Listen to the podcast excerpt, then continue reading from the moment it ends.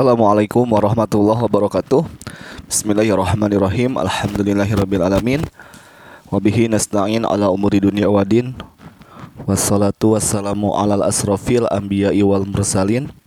Wa ala alihi wa sahbihi ajmain amma ba'du. Pertama-tama yang paling utama Puji syukur kehadirat Allah subhanahu wa ta'ala. Salawat serta salam Semoga terlimpah pada junjunan alam yakni habibana wa nabiyana Muhammad sallallahu alaihi wasallam.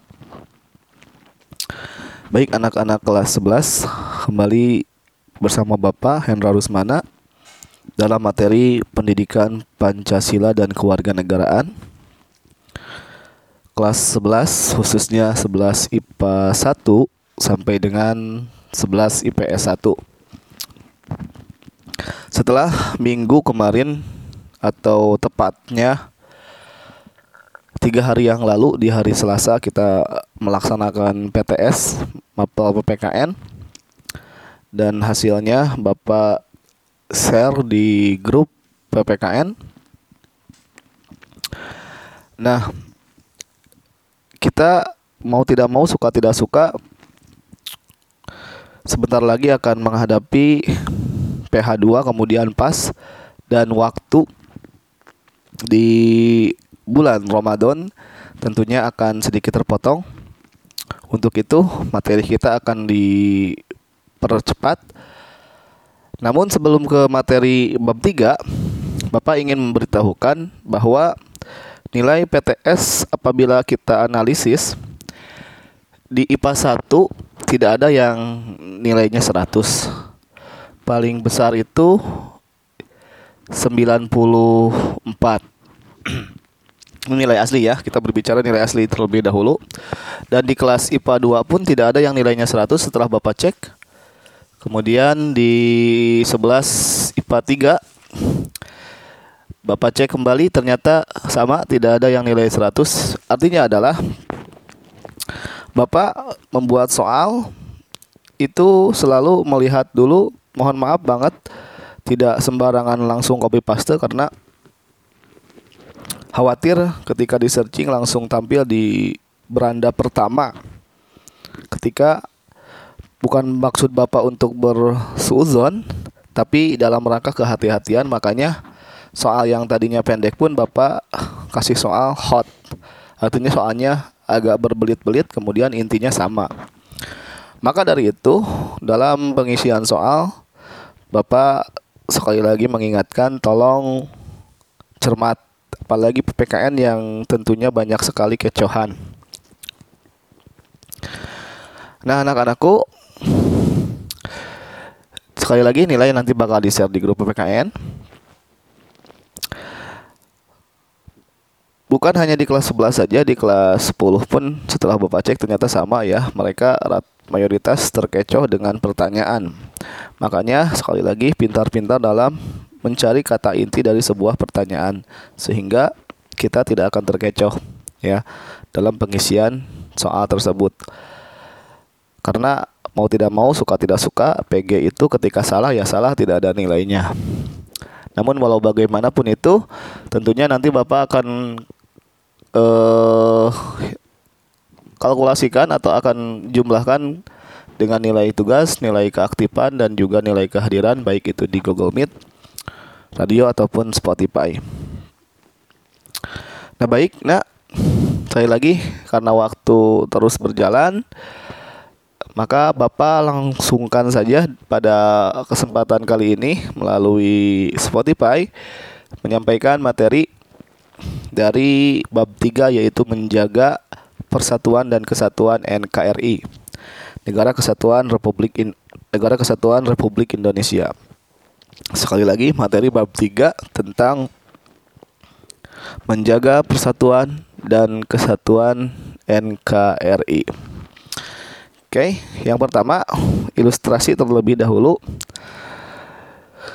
Tanggal 17 Agustus merupakan tanggal yang sangat bersejarah bagi bangsa kita karena kalian sudah tahu bahwa di tanggal tersebut dirayakan Dirgahayu ya ultah negara kesatuan Republik Indonesia.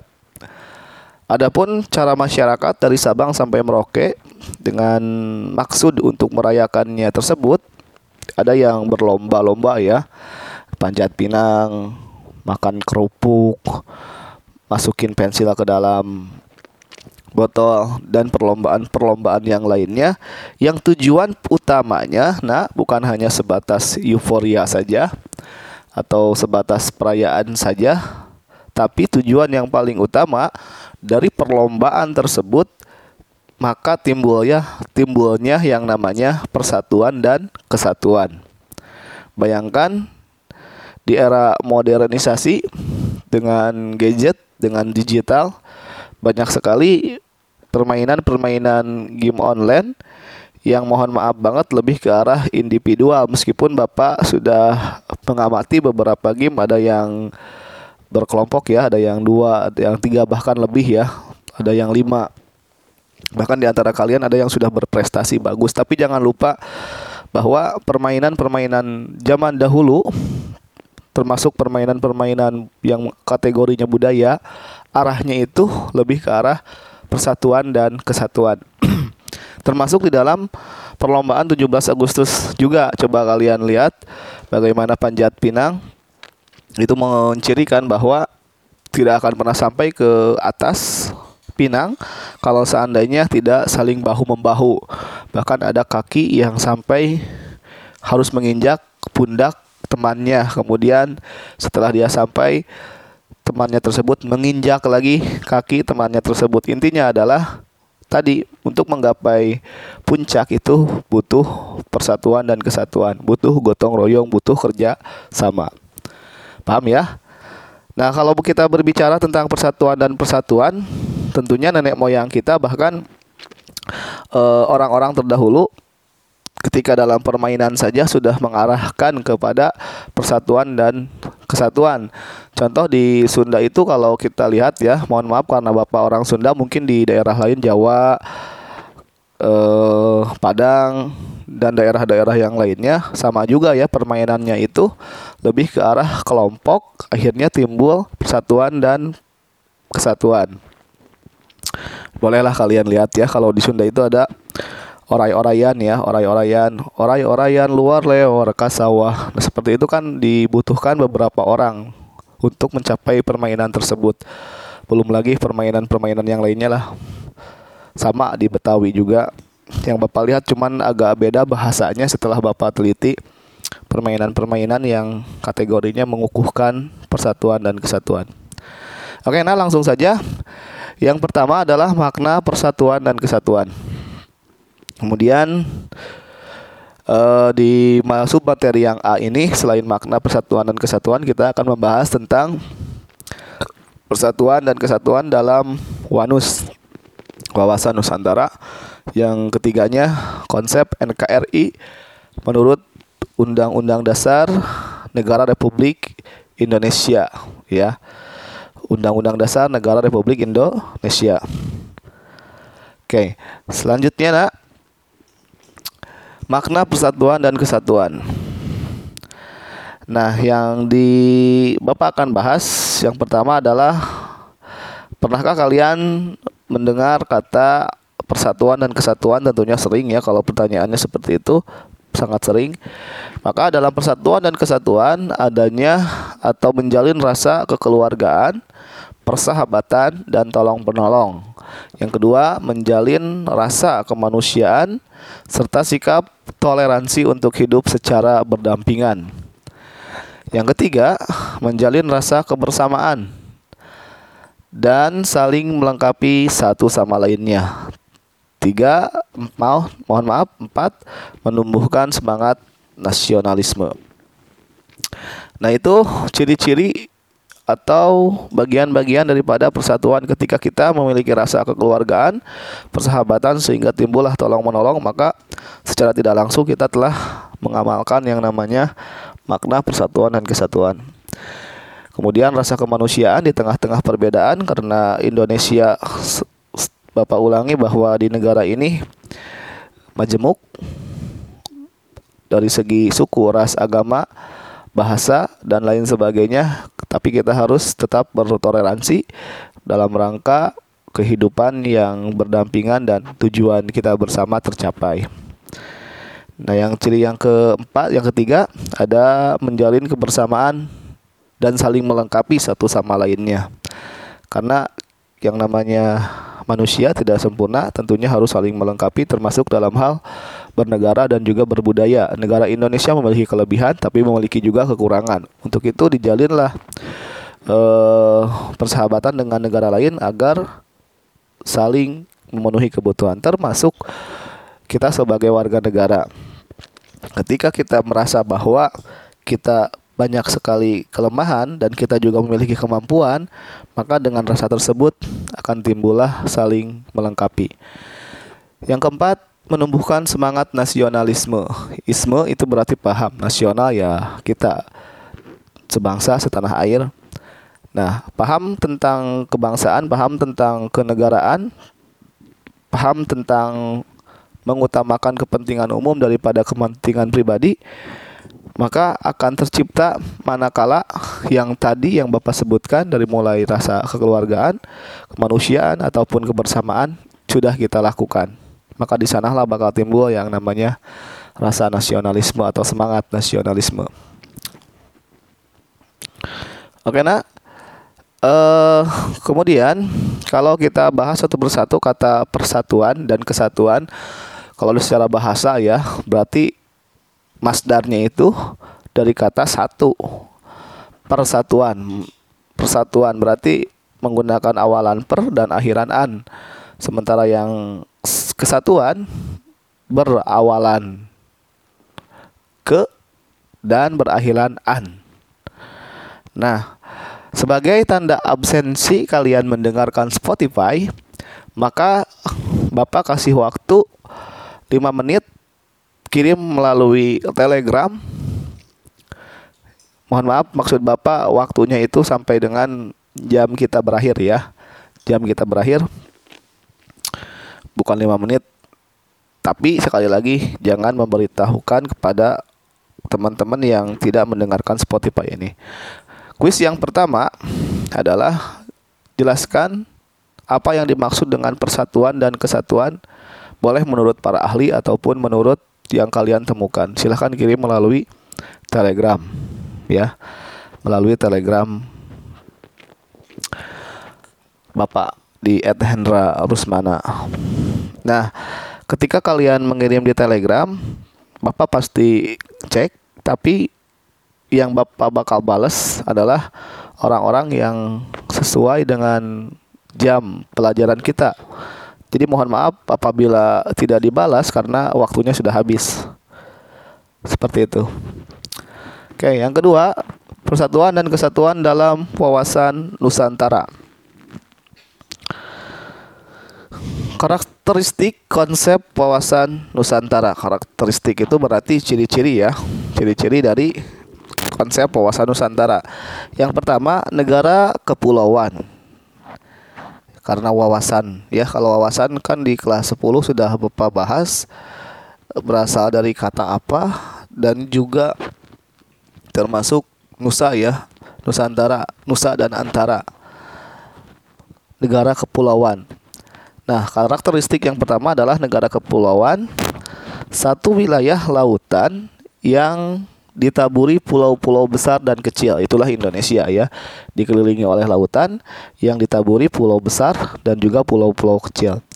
Yang kedua cirinya adalah atau karakteristiknya adalah konsep utamanya adalah manunggalnya wilayah laut, darat dan wilayah udara. Kalau berbicara tentang manunggal, kayaknya bahasa Sunda itu ya. Manunggal itu menyatukan wilayah laut, darat dan udara. Jadi dari Sabang sampai Merauke meskipun kita terpisah oleh lautan tapi tetap kita secara geografis NKRI harga mati. Tiga, laut atau perairan, perairan merupakan wilayah pokok bukan merupakan pelengkap. Bapak ulangi. Laut atau perairan merupakan wilayah pokok. Wilayah utama pokok, pokok loh ya kita bahas pokok bukan merupakan wilayah pelengkap. Jadi negara kita bahari ya, negara ke kepulauan berarti pokok banget dasar banget bagi kita kalau seandainya kita sia-siakan. laut yang keempat, laut merupakan bagian yang tidak terpisahkan dari daratan, bukan pemisah antara daratan dan lautan. Dia jadi laut itu bagian daripada daratan, bukan pemisah. Ya, tapi bagian. Kalau dipisah dan pisah, you and you and me the end misalkan itu kan bisa tapi kalau seandainya bagian berarti masih diakui masih bagian daripada NKRI oke selanjutnya di dalam persatuan dan kesatuan dalam wawasan Nusantara ada perwujudan konsep kesatuan perwujudan konsep kesatuan jadi konsep persatuan itu yang pertama ada di aspek-aspek kehidupan yang sering kita jalani. Yang pertama aspek politik, ekonomi, sosbud dan persatuan dan kesatuan. Jadi intinya nak perwujudan wujud, wujud nyata bukti bahwa kita harus ada kesatuan yaitu dalam bidang apa saja politik, ekonomi, sosbud, persatuan dan keamanan ya. Maaf pertahanan dan keamanan seperti itu. Wujudnya wujud dari kesatuan. Selanjutnya ada konsep negara kesatuan Republik Indonesia menurut UUD Negara Republik Indonesia tahun 45 amandemen 4 ya amandemen 4. Jadi kalau ada yang bertanya udah berapa kali undang-undang kita di amandemen 4? Apa artinya amandemen perubahan sebagian? Bapak kenapa Bapak membahas seperti ini? Karena Bapak mendengar isu bahwa akan ada amandemen kelima. Mudah-mudahan tidak jadi. Oke lanjut nak. Uh, di materi ini, submateri ini ada konsep negara kesatuan, sistem sentralisasi, sistem de desentralisasi ini lebih ke arah OTDA otonomi daerah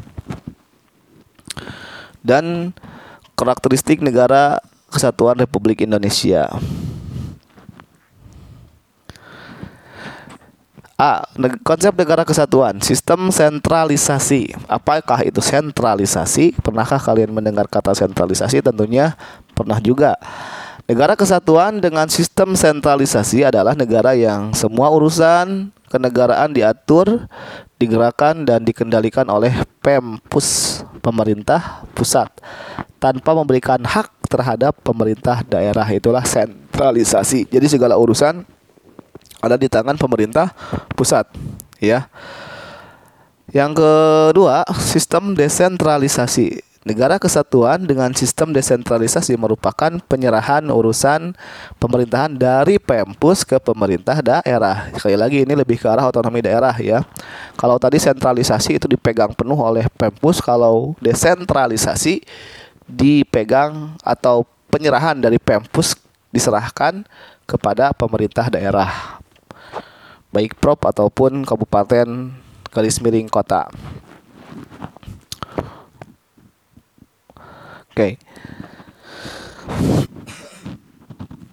B. Karakteristik negara kesatuan Republik Indonesia. Ciri-ciri ya negara kesatuan Republik Indonesia.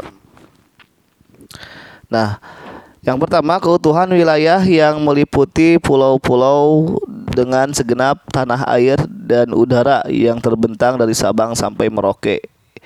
Ya, jadi keutuhan wilayah dari segenap tanah, air, dan udara yang ada di Indonesia. Makanya dalam lagu Indonesia Raya luar biasa, subhanallah, W.R. Supratman uh, menciptakan lagu yang menurut Bapak bukan hanya sebatas ritual kenegaraan saja, tapi liriknya itu luar biasa ya.